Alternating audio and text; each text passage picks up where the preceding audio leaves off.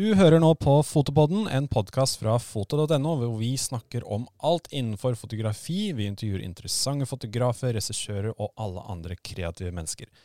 Podkasten er drevet av og er med ansatte fra foto.no. Våre ansatte sitter kollektivt på masse masse kunnskap, og vårt mål med denne podkasten er å dele den kunnskapen med dere. Hvis du gjennom episoden hører noe du vil vite mer om, tenker du ønsker å stille spørsmål rundt, så ta gjerne kontakt med oss. Vi er tilgjengelig i butikkene våre på Skøyen og Barcode i Oslo, på våre nettbutikk og på Facebook og Instagram.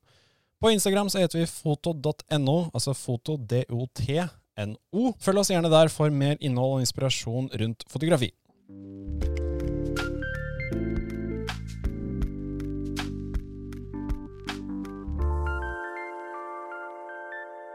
Ok, dagens episode.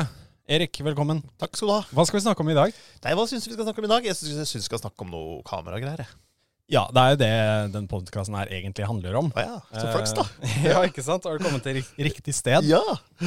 Nei, altså, vi, vi hadde egentlig lyst eh, litt grann i dag bare til å ta eh, en fot i bakken. Det er jo ikke at vi Vi har egentlig lyst til å laste opp episoder annenhver uke, men pga. litt pandemi og sånne ting, så har det vært vanskelig i det siste.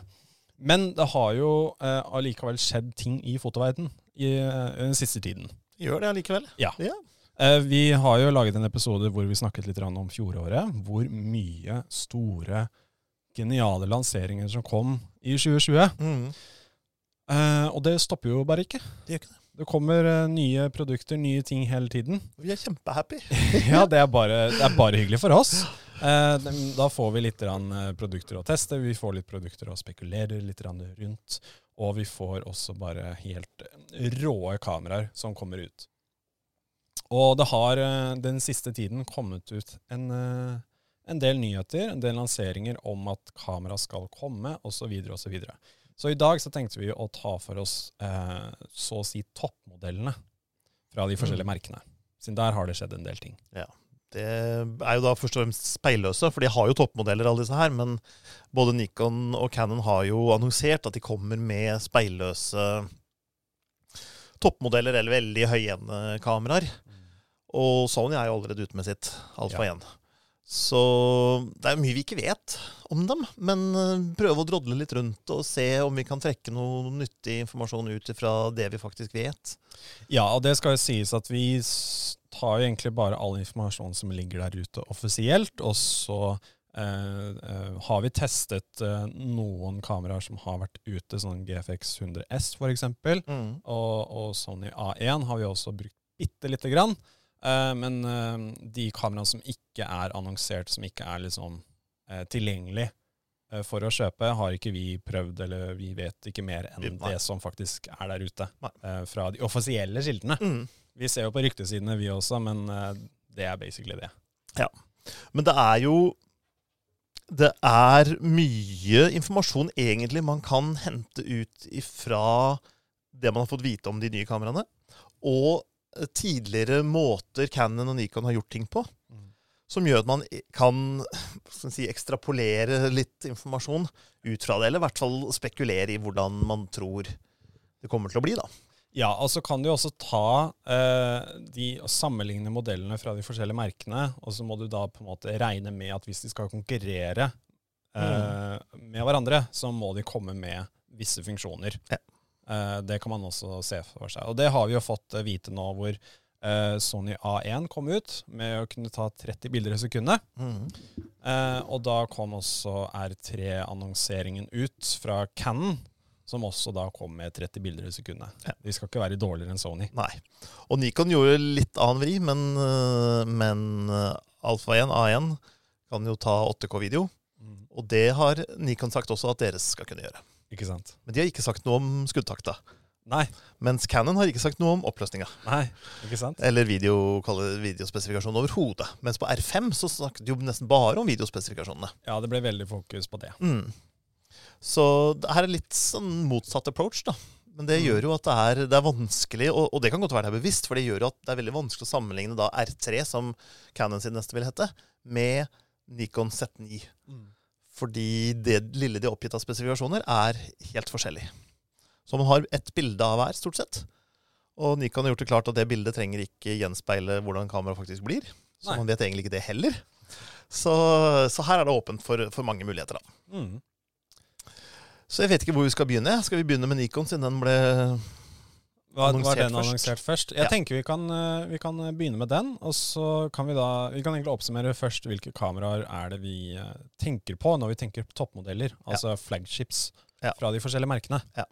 Jeg tenker i utgangspunktet på Nikon Z9, Ja. som er annonsert, Canon R3, som er annonsert, og Sony Alpha 1, Mm. som er ute.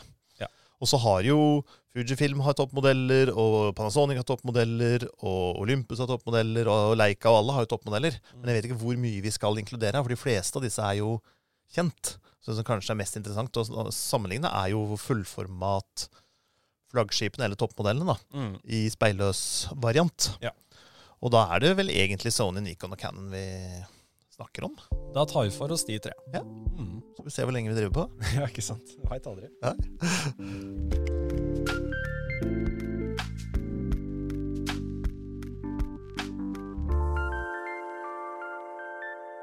Ja, så Nikon Z9 den ble annonsert i januar. Mm.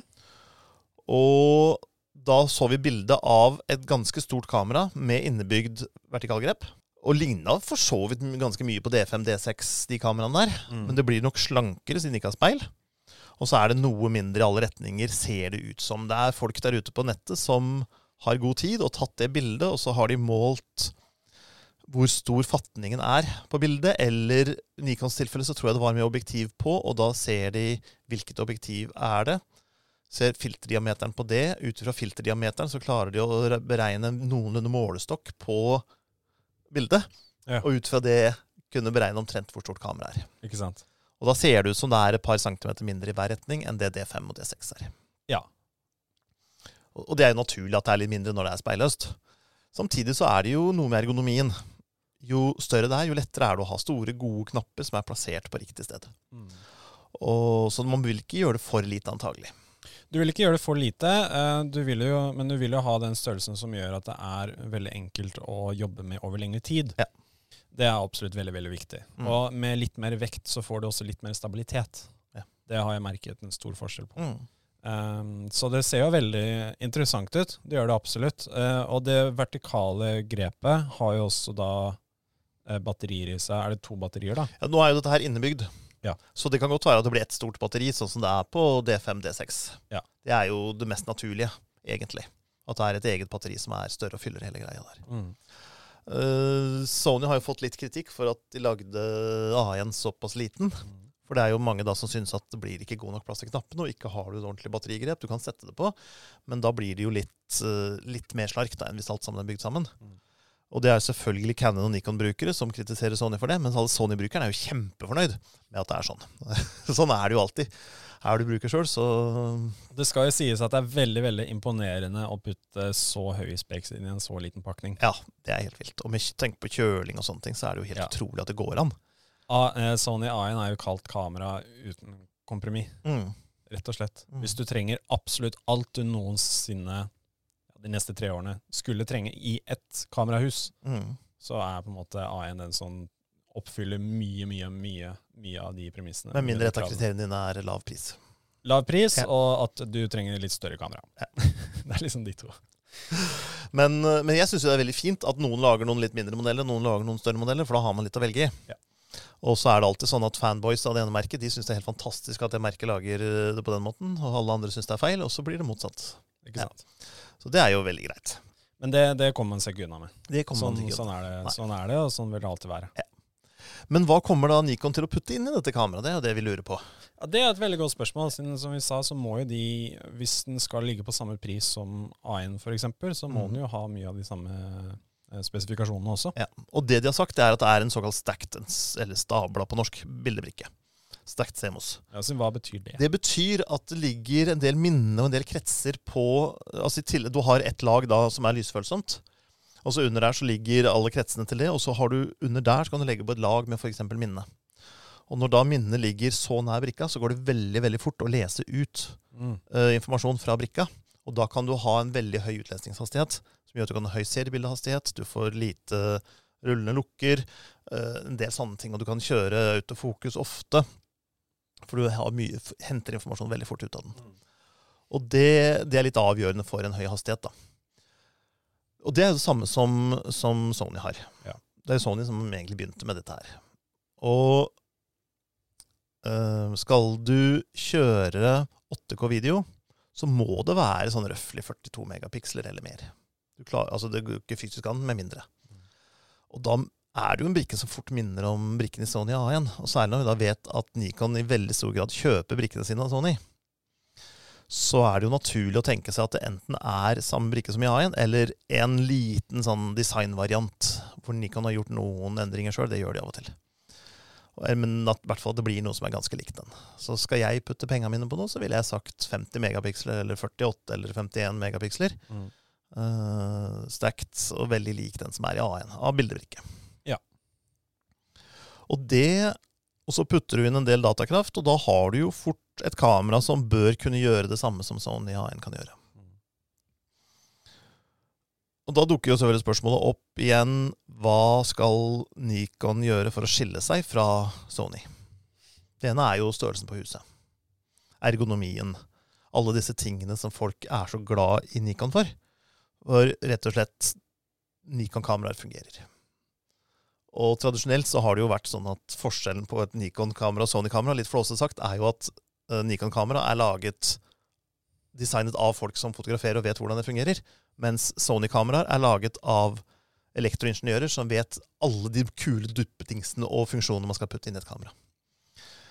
Så, så der vil de jo gjerne skille seg. Men vi ser jo at Sony har blitt flinkere til å lage det ergonomisk bedre. De har blitt flinkere til å høre på feedback. Ja, bedre menyer, alle de tingene der som egentlig har vært litt sånn halvveis på Ja. Sony, det har blitt mye bedre på A1. Og, er, og gradvis egentlig fram opp til A1. Så, så det er ikke så mye som skiller dem lenger. Men Nikon må finne på noe som kan skille dem ut allikevel. Noe som sjokkerer litt. Grann. Ja, Noe som sjokkerer litt. Grann. Det jeg tenker de bør gjøre, er jo å satse beinhardt på video. Fordi Nikon har ikke noe proff videosegment som de kan kannibalisere. Så de bør jo i teorien kunne putte hva som helst av videomuligheter inn i et kamera. Og dermed bare selge mer. Men hvis Sony eller Canon gjør det, så vil de selge mindre av noe mye dyrere. Ja.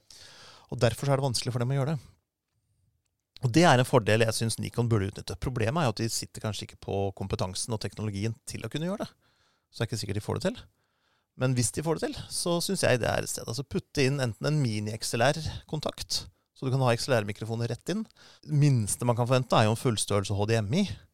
Eventuelt med noen låsesystemer. Eh, en del sånne ting, sånn at du, du umiddelbart kan bruke dette her som et, et proft videokamera, rett og slett. Altså. Det høres veldig interessant ut, det. Absolutt. Mm. Hvis det hadde kommet, så hadde det vært eh, et kamera man absolutt, absolutt hadde vurdert til et sånn allround-kamera. Ja. Eh, Så det er jo det som er mye mer populært nå enn det, det har vært før. Det er at liksom du har de eh, hybridkameraene. De som er like bra på både stills og video. Og du Mm. kan bruke de til begge to i profesjonelle settinger. Ja. Eh, For meg personlig så er det en veldig viktig ting, i hvert fall. Mm. At jeg skal kunne ta filmer som jeg gjør for kunder, og kunne ta oppdrag. Mm. Eh, både for uh, ta bilder og filme samtidig. Ja. Fordi hvert eneste oppdrag jeg gjør som en fotograf-videograf, er sånne type jobber. Ja. Nå bare er det uh, Veldig mange jobber, så er de rollene sammen. Mm. Og for journalister i dag, så er jo de De blir bedt om å gjøre alt. Ja. Før skrev en journalist, og så hadde han med seg en fotograf. Og så etter hvert som det kom video, så begynte noen å lage video. Så sendte man ut en kar for å lage video. Men nå er det jo samme person som må skrive, filme og fotografere.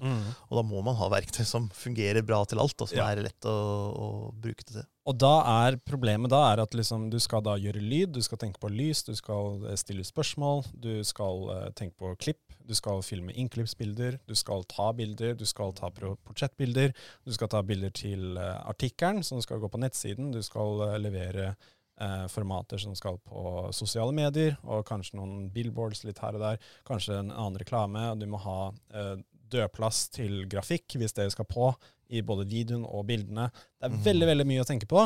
Og det siste du burde bekymre deg over da, er om utstyret gjør eh, det det lover og det det skal. Men med 8K-video trenger du da å ta de stillbildene?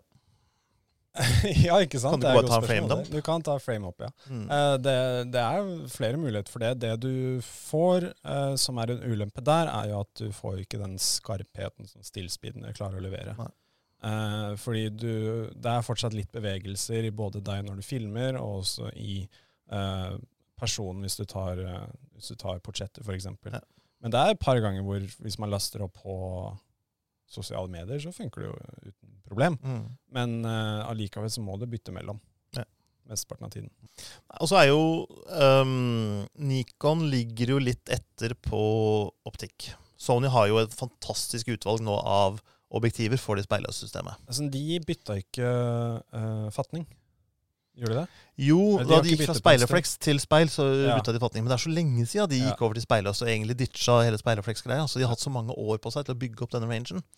Og derfor så, så går det Så er det de som har mest størst utvalg da, av native optikk. Og tredjepartsoptikk. Canon begynner å komme. Nå har de jo lansert 400, 208 og 600 Blender 4, som er veldig viktig for, eh, for sportsfotografer og mye nyhetsfotografer. Og en makro også. Og en makro, ja. Det skulle kommet for lenge siden. Men det også. uh, og Derfor så begynner de å komme. De er ikke der eh, Sony er ennå, men de har jo denne adapteren som gjør at du kan bruke all EF-optikk. Ja. Og det er jo en kjempefordel, for den, går veldig, den fungerer helt, helt fint. altså. Ja, og det, du mister ikke noe kommunikasjon i det hele tatt. Nei, du mister ingenting. adapteren. Noe av fordelen med, med RF-optikken er jo at den gir deg en del ekstra. Og det ekstra får du ikke med adapteren. Nei. Men du mister ingenting sammenlignet med å bruke det på en sperreflex. Nei.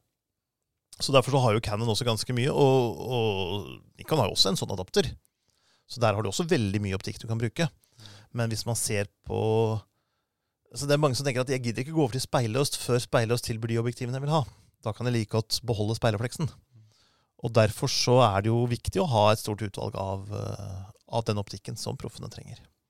Absolutt. Og der ligger kanskje Nikon litt etter i dag, men de, man ser at de nærmer seg jo, de kommer jo den veien. Men det kan være at de vil bruke mer tid på å få folk til å skifte enn det Canon og Sony gjør. Man vet ikke. Det er bare å spekulere. Bare spekulasjoner. Bare jeg gjør det, er så greit. Så det blir jo spennende å høre tilbake på denne episoden på slutten av året og se, mm. og se om vi hadde rett eller ikke. Eh, Canon R3 Ja, syns jeg er litt interessant. veldig. For alle har jo snakket nesten i hele år i hvert fall, om R1. Ja, det var det alle trodde skulle Alle trodde trodde skulle komme R1, og så kommer det R3. Og det vekker jo et par, eller stiller et par spørsmål. Fordi Canons toppmodell har alltid hett 1. I hvert fall siden 1987, eller der omkring, da, da EOS 1 kom. Ja. Og så het alle analoge 1 et eller annet, og så kom de digitale, og de het 1D et eller annet. Så har de hett 1D siden de digitale kom. Og nå kommer R, ikke R1. Og Det betyr jo at over R3 så bør det være plass til en R1. Ja, men hvorfor heter det ikke R1, tror du? Hvorfor heter den ikke R1? Og Det- det er jo det alle spekulerer på i dag. To, to teorier jeg har, eller to Ja. grunner så jeg tror at det, den ikke heter. Eh, nummer én, er Sony A1. Mm. Det vil ikke liksom sammenligne seg med den. Altså, det liksom, det skal ikke være så å si den samme. Nummer to er at de kom med en R5-oppdatering, som, det heter, som da vil hete R1. Siden R3 har jo da den vertikale grepet, Ja. og at de da vil komme med en R1 som ikke har det vertikale grepet, men tilbyr veldig mye av de samme spesifikasjonene. En R1 uten vertikalgrep. Oi. Ja. Ja. Jeg vet ikke. ja. Nei, jeg tror det, det kommer en, en enda kraftigere en. jeg.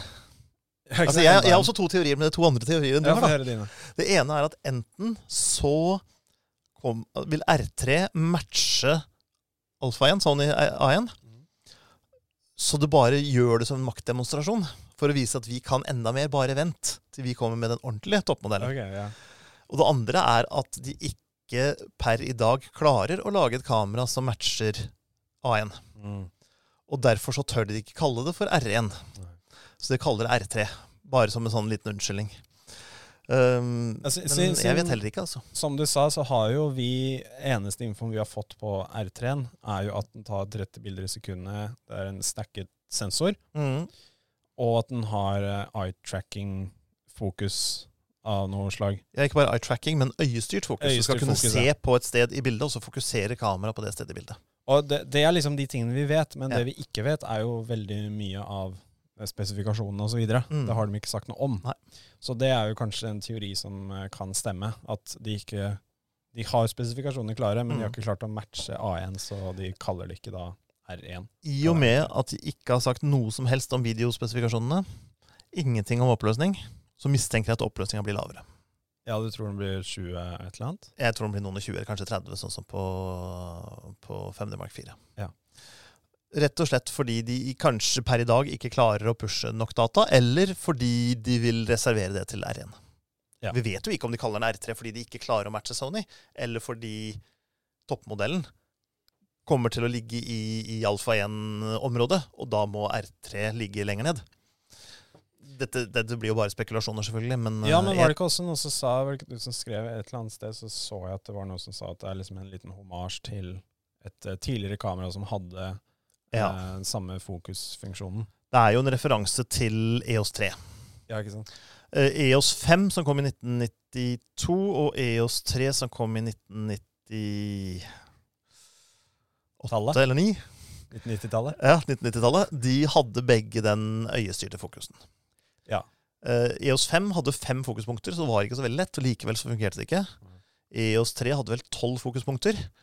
Og jeg hadde EOS 3, var veldig glad i EOS 3. Jeg fikk det aldri til å fungere. Men jeg er brillebruker og kunne unnskylde med det. Det er vanskeligere å se hvor man ser når man har briller på seg. Men eh, det var de to kameraene som kom med det, og så kutta Candy ut. Det var jo fordi man ikke fikk det til å fungere bra nok. Nå har kameraene over 5000 fokuspunkter. Og nå tror de skal få det til å fungere. Så du må forklare til meg, hva er eh, den øyefokusfunksjonen? Øyefokusen er rett og slett at i ramma rundt uh, søkeren så ligger det noen sensorer som ser hvor øyet ditt ser. Ja. Så den måler rett og slett hvor øyet peker omtrent. Og så vet den da hvor i bildet den skal fokusere. Og så fokuserer den der. Og skal du følge en fugl i flukt, så har det ingenting å si. Fordi nå har den så god følgefokus at det vil være mye bedre. Men si at du skal ta bilde av noe, da. Noen mennesker. Et menneske der og et menneske der. Og så kan du bare se på det mennesket, så fokuserer den på det, og så kan du se på det mennesket. Og hvis du tar video Nå er det ikke så ofte man bruker søkeren da, men da kunne flytte fokusen helt sånn Ja, det, Sømløst. Det, noen ganger så kan Det det, være veldig, veldig, veldig nyttig hvis du ikke bruker manuellfokus. Men det er noen ganger du filmer andre ting enn mennesker, eller ting som den skal registrere at den skal fokusere på. Mm. F.eks. et produkt. Eh, Vi filmet en dronevideo her om dagen, og da skulle jeg liksom ha noen nærbilder av dronen med altså, følgefokus, hvor jeg, liksom, hvor jeg endret fokuspunktet fra liksom logoen på dronen til, til selve kameraet på dronen, Ja. f.eks. Og da hadde jo akkurat det vært en genial ting. Ja. Hvor jeg kan bare flytte øyet sakte over. Mm. Eh, jeg brukte manuell fokus selvfølgelig, for jeg har jo liksom Det jeg liksom, opp, liksom lært Mm. å bruke. Eh, men jeg skjønner jo som sagt med sikkert, så vil jo liksom eh, bruk av manuell fokus bli bare mindre og mindre. Ja. Eh, også på video, fordi eh, eh, det har liksom ikke vært bra nok ennå. Men eh, det er jo der veldig Det blir smartere og smartere, så, Ja. så det, det vil jo komme. Uh, og om dette blir noe suksess denne gangen, det vet vi ikke. Det blir spennende. Jeg syns jo det er dritkult, og jeg har jo savna det etter EOS3, for jeg syns det var så kult, selv om jeg aldri fikk det til å virke. Så var det bare så fantastisk science fiction at det var der. Jeg kan se for meg at det blir enten-eller. At det blir liksom sånn Hvis du husker hypen rundt Google Glass. Mm. At det blir en sånn megastor hype Mm. rett før, og så kommer det ut, og så er det bare Ja. Ja, Hvis du husker hypen rundt autofokus Nei, du var ikke, er ikke gammel nok til det, men, eh, men da det kom, så var det sånn ah, alle prøvde, ah, Hva skal man med det, da? Kan du ikke fokusere, du, heller? ja. Ikke sant? Det ble ikke borte. Jeg husker hypen rundt liksom minnekort i kameraer. Uh, Istedenfor å bruke tape, altså videokameraer. Å ja. Ja, nettopp. Og jeg var Mm. skeptisk til minnekort. Ja. Bare sånn Minnekort kan du jo på en måte ødelegge, det er datafiler og sånn. Hvis du Ja. har en tape, mini-DV-tape, Ja. Så er det mye tryggere, tenkte jeg i hodet mitt. Eneste data jeg har mista fra videokamera, er fra mini-DV-tape. Ja, ikke sant? Så, ja, tapen blir jo ødelagt etter hvert. Og sånt. Ja. Må, så måtte du ha sånn cleaning tape, husker jeg, sånn liksom for å liksom eh, Mm. rense, rense systemet og sånt. Men det, mekanismen her ble jo ødelagt. veldig. Og så tok det like lang tid å spille over på en PCS som det du tok å Ja, ja. Altså det måtte spilles over i real time. Du måtte spille seg real time. Ja. Oh. Og så fikk du da én lang 60 minutter lang fil, som Mm. du da delte opp i, i redigeringsprogrammet ditt. Ja. Så, det, så sånn gjorde jeg, og jeg var skeptisk til minnekort. ja. Du, altså. Ja. Skikkelig framsynt. Følte jeg, følte jeg meg litt gammel når jeg sa det. Nei, men Så dette kan være veldig veldig interessant, eller så kan det liksom bare være en gimmick som Ja. fort forsvinner, men som folk tar så lang tid til å liksom adaptere seg til. Ja, og som i annonsering av et kamera som ikke kommer på mange måneder ennå, gir en sånn Oi, kult, hva er dette? Mm. En sånn nysgjerrighet og interesse for produktet. Som Nikon ikke har. ja, ikke Fordi sant? det de har sagt de har, det er akkurat det Sony har sagt at de har. Mens Canon har kommet med noe helt unikt Ja. som ingen andre har. Og det gir mye mer interesse for det. Absolutt. Så i markedsføring så vinner Canon over Nikon her. Mm. Endelig produkt så tror jeg ikke vi skal trekke noen konklusjon ennå, men i markedsføringa så er det helt klart at, uh, at Canon leder. Det, det er det. Eh, andre ting vi vet om Canon, den er også en stacked stabla uh, Semos. Er det første gang for Canon? Og den er egenutvikla. Så Cannon kjøper ikke brikker av Sony. Nei. Annet enn til noen kompaktkamera, kanskje. Stort sett så lager de brikkene sjøl. Og de har ikke hatt noe sånne brikker før. Så det er første gangen. Og det kan jo by på utfordringer med barnesykdommer og at de ikke har helt teknologien på plass. Men det betyr også at de har gjort det fra bunnen av. Og dermed har kunnet kanskje implementere all ny teknologi på en annen måte enn de som allerede har bygd i noen år, har gjort. De har jo jo ikke. allerede gjort stor suksess med, med innebygd stabilisering i R5 og R6. Ja. Og det var første gang de gjorde det, og det var veldig, veldig, veldig imponerende. Veldig imponerende. Ja. Ja. Absolutt. Så de, de kan jo når de vil. De kan når de vil. Uh, og jeg tror kanskje at noe av grunnen til at dette blir en R3, er at de vil teste noe av denne teknologien Mm. Før de putter i en R1. For den øyestyrte sensoren, du putter ikke det i verktøyet til de tunge profesjonelle fotografene som skal til f.eks. OL og ta sånn en eneste mulighet for å få det riktig uh, skudd, og uten at det funker ordentlig. Så det skal være testa først. Ja, Og dette her er den beste måten å få testa det først, ved å putte i en lavere eh, modell, og det har Canon alltid gjort. mm. Så, og det gjør de nå. Og det kan være det blir samme med bildebrikka, at de får da testa ut den. Og er det ting som må fikses på, så kan de fikse på det før de kommer med en R1. Mm. Så den mest sannsynlige grunnen til at det her er R3 og ikke R1, det er nettopp at de skal teste ut ny teknologi. Tror jeg. Spekulerer vi. Spekulerer vi. Ja. Ja. Vi vet jo ingenting, som, Nei. som sagt. Og så skal det jo sies at EOS 1DX, Mm. topp, den eksisterende flaggskipet til Canon, det kom for et år siden. Det er bare litt over et år siden det kom. Jeg elsker det kameraet.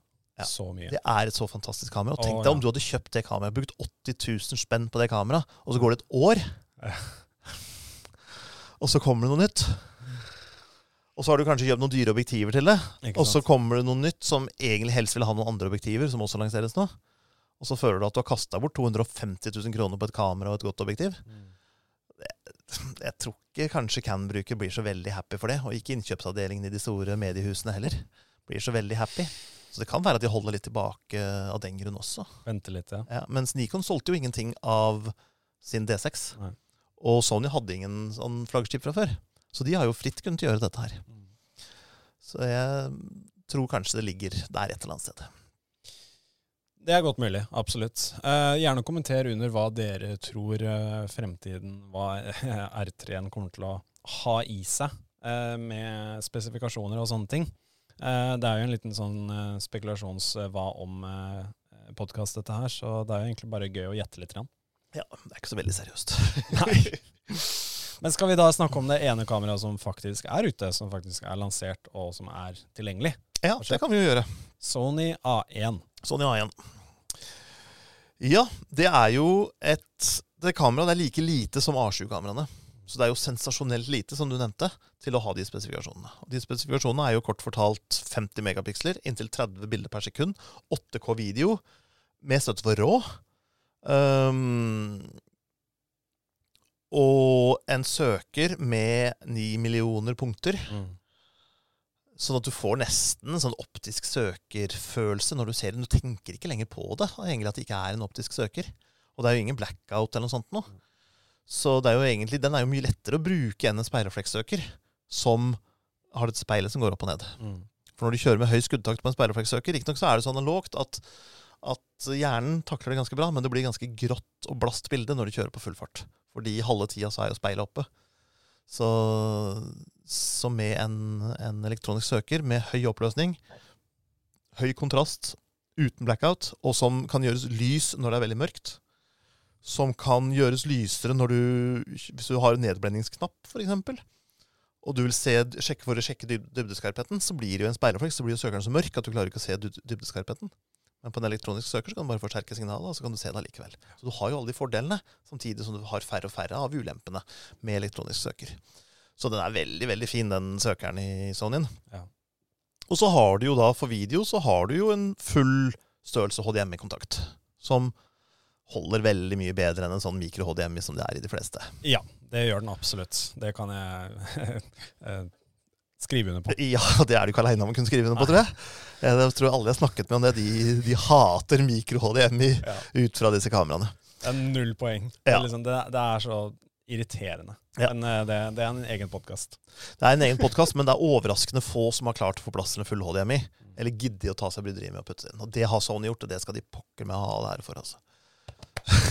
Tre klapp for det. Så har de mulighet for å sette på XLR-adapter. Ja. En kladd opp på toppen i BlitzCon, og da får du to XLR-innganger. Funker kjempebra. Det, altså. Ja. Jeg bruker den veldig ofte. Og det har jo heller ikke de andre. Jo, Panasonic har tilsvarende. Panasonic har. Ja, Men Canon og Nikon har aldri hatt det. Og Canon kan si, gjør det kanskje bevisst for å ikke blande seg for mye inn i proffvideomarkedet. Ja. Nikon har ingen grunn til å ikke ha noe sånt. Nå skal det sies at uh, det var en uh, workaround som var veldig nødvendig uh, før, og har vært nødvendig veldig lenge. Det å kunne ha to XLR-innganger. Nå finner du, får du tak i myggsett som har to sendere til én mottaker, som da kommer på et stereospor. Så du får én en mygg på høyre siden og en mygg på venstre siden, og så skiller du de lydsporene i redigeringen etterpå. Da har du to spor. Ja, Men klarer du det på XLR? Nei, du gjør det bare Nei. på uh, Saramonic Blink 500 Pro, for Ja, riktig. Eller eh, eh, Røde Go eh, 2, tror jeg. For da har du minijack-in. Og de er jo gjerne ja. Så du har jo fortsatt minijack in, Mm. men du får da to spor som du kan separere i klippingen. Ja. Fordi du har hatt før, så har du hatt to sendere som går til én mottaker, men har kommet på ett monospor. Ja.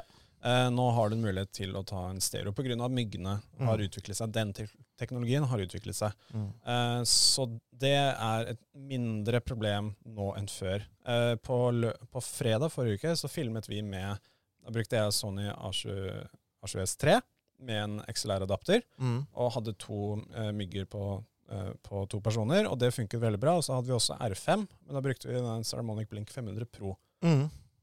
Så fikk vi samme resultatet. Ja, akkurat. Så du prøver å si at det er egentlig ikke noe vits i med XLR lenger? Du må bare kjøpe de riktige, eh, altså riktige settet til, eh, til Ja. de små kameraene. Og også de eh, eh, eh, små som går på minijack. De er Mhm. mye mindre, de mottakerne og sånt også. Så de Ja. passer mye bedre til disse kameraene. Ja. Eh, hvis du putter på XLR-modul, og så liksom eh, en eh, mottaker til hver mygg inn, så blir det veldig, veldig fort mye utstyr, da. Ja. Så da må man ha en cage til, for eksempel, for å liksom bygge på med lys og sånne ting. Mm. Uh, så det er utstyr der ute som leverer så å si det samme resultatet, uh, uten at du trenger alle disse tingene. Ja. Uh, men ja, en XLR-modul noen ganger er veldig veldig fint å ha. Fordi du har manuell styring på lyd, eh, og du har mye mer kontroll over lyden. Og så får du også Phantom Power og alle de forskjellige Mm. tingene der. da. Så begge deler er det vi vil ha. Begge deler, ja. Mm. Men det hadde vært fint med en XLR-modul på, på Canon-kameraer. Mm, det hadde absolutt det. Altså. Ja. Enten integrert eller som en sånn ekstra ting. Ja. Kanskje ekstra ting egentlig er best, for det tar jo plass. Ja, det er ikke alltid du trenger det. Nei. Men de gangene du trenger det, så trenger du det virkelig. Ja. Da er det ganske nødvendig. Mm. Og Sonyen er jo er liten. Grepet er omtrent som på A7 R4. Så det er et ganske godt grep, men for veldig mange så kan, vil store objektiver komme borti fingrene på utsida. Så du kan få litt træl på, på fingrene av det. Jeg, jeg misliker det litt. Men, øh, men det er- kommer litt an på fingrene dine og hvordan du bruker det og en masse ting. Jeg syns kanskje det har blitt litt mindre enn det burde være. Men det er veldig fint som sagt at de tilbyr noe annet enn det alle de andre tilbyr. For da har man, har man litt å velge i. Og jeg har bare prøvd kameraet så vidt det er. Tilsynelatende så virker det helt fantastisk. De jeg har lest som har prøvd det, er veldig imponerte. Så det er Lista er lagt høyt, altså. Absolutt. Ja. Hvis man vil se dette kameraet i action, så har vi fra vår eh, vårmesse i år en eh, liten eh, video med eh, Kyle Meyer, som er en Sony-ambassadør, som tok med dette kameraet på en eh, shoot for eh, Porsche. Hvor han tok bilder av en, eh, av en, eh, av en Porsche. Mm. Eh, og vi fulgte han, og dette var en livestream som foregikk eh, under vårmessen. Da. Og da var vi på location, og han testet A1 der. Ja. Og gjør også da en egen stream hvor han redigerer disse bildene. Så da får man sett hvordan eh, kvaliteten og hvordan det er å jobbe med, og hvordan det er å funke. Og han var jo storforelska. Mm. Absolutt. Nå er det jo det jobben hans, selvfølgelig, men eh, ja, ja. Men hvis man vil liksom Er- se, hvis man er nysgjerrig da, på Ja, hvordan det faktisk Uansett hva han mener eller ikke mener, så når du ser hvordan han jobber, og hvordan han jobber med bildene, så ser du jo litt hva kameraet kan. Absolutt. Så, så det, er, det er ikke tvil om at det er et fantastisk verktøy. Ja, ja, ja. Og Nikon og Canon må bare strekke seg veldig for å matche det der. For det er farlig for dem når eh, Sony er i det segmentet. For da har Nå har jo Sony ganske komplett segment, fra rimelige APC-kameraer, altså hele veien opp da til proffkameraer i 80 000 kronersklassen, og med tilhørende optikk hele veien. Canon har jo APC-kameraer, men det er med en helt annen fatning. Og så er det fullformat. Så hvis du kjøper deg inn i Canon APC, så har du på en måte ikke noe lett vei å gå til Canon fullformat. Da kan du like godt gå til Sony fullformat, for da må du bytte objektivene dine og bytte alt mulig likevel. Nikon har både APC og fullformat i det settsystemet. Men de har jo to objektiver som er laget for APC. Så skal du bruke de gode objektivene, så må du jo sette på fullformatobjektiven. Da kan du egentlig like godt kjøpe et fullformatkamera, og da blir jo terskelen inn høyere igjen. Så det er jo på en måte Sony av disse tre som har både hele rangen, alle objektivene, proffkamera på markedet, og ja, som egentlig sitter nå med jokeren. Ja. Og så må de andre komme løpende etter. Absolutt. Eh, nå skal jeg prøve å liksom Prøve å finne noe eh, negativt da, eh, på Sony. Som var- du snakket om, en fatningen deres Mm. eh, er mindre i diameter enn Nikon Z, for eksempel. Ja, og Canon. og Canon, Ja. som gjør at f.eks. stabiliseringen inhouse på Sony-kameraene Mm. er vanskeligheter for å bli eh, Ja. oppgradert. Ja, for der flytter man jo bildebrikka Ja. eh, for å kompensere for bevegelser. Og jo mindre fatningen er, jo mindre kan du flytte på bildebrikka uten at den på en måte kommer utafor bildesirkelen. Mm.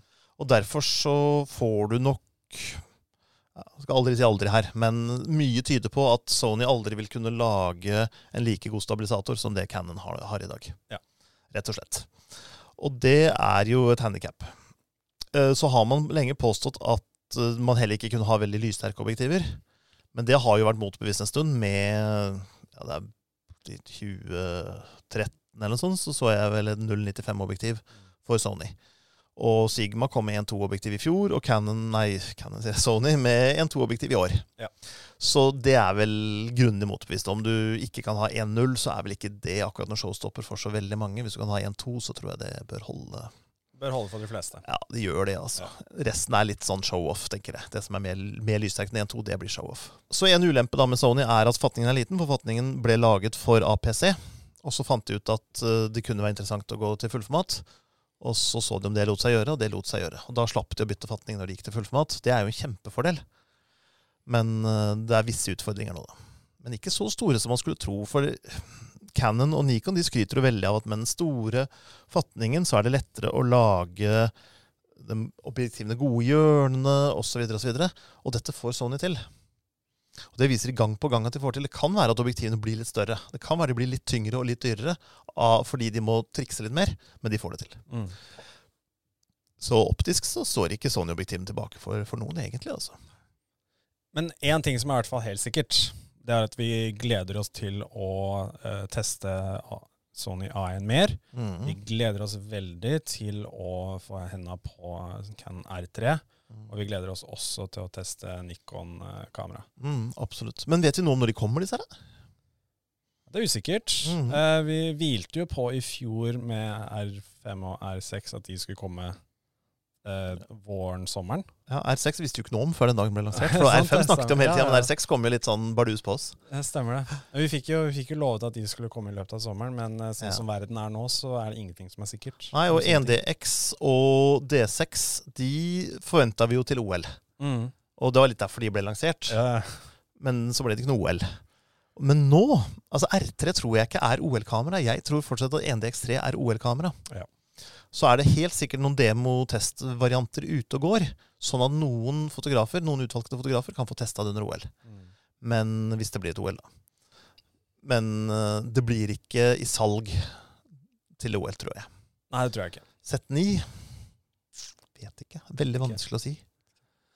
Hvis noen der ute fra disse forskjellige merkene vet noe av dette her, så kan de gjerne kommentere under. Gjerne gi oss mer informasjon, eller bare kommenter under. Jeg tror de hadde fortalt det til oss hvis de hadde lov til å si det. Så Ja, ja. ja det er sånn tilfelle det er noen sånne, der, eh, sånne muldvarper. Ja, ikke sant? Ja. Vet aldri.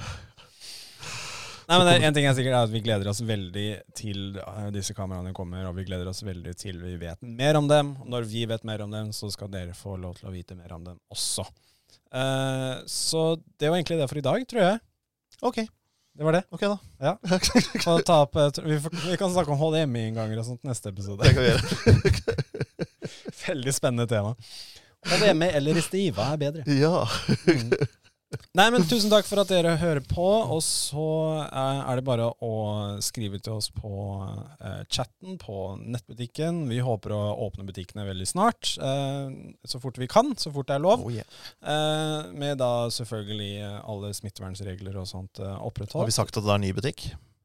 Ja, vi driver og pusser opp. Ja. Vi har jo bygd om og bygd ut og fått masse nytt og masse spennende. Det er Ja. helt annerledes enn det var før, uh, før pandemien stengte butikken. Absolutt. Så det er bare å komme innom og ta en kikk, altså. Når vi kan åpne den butikken, det blir en god dag. Ja, det blir veldig bra. Ja. Kom og få kaffe. Og Kom og få kaffe. Eh, Mm. Hvis, eh, hvis det ikke er i området, så annonserer vi det også på Instagram og Facebook. Så sørg for å få Er du ikke i området, så ta turen allikevel.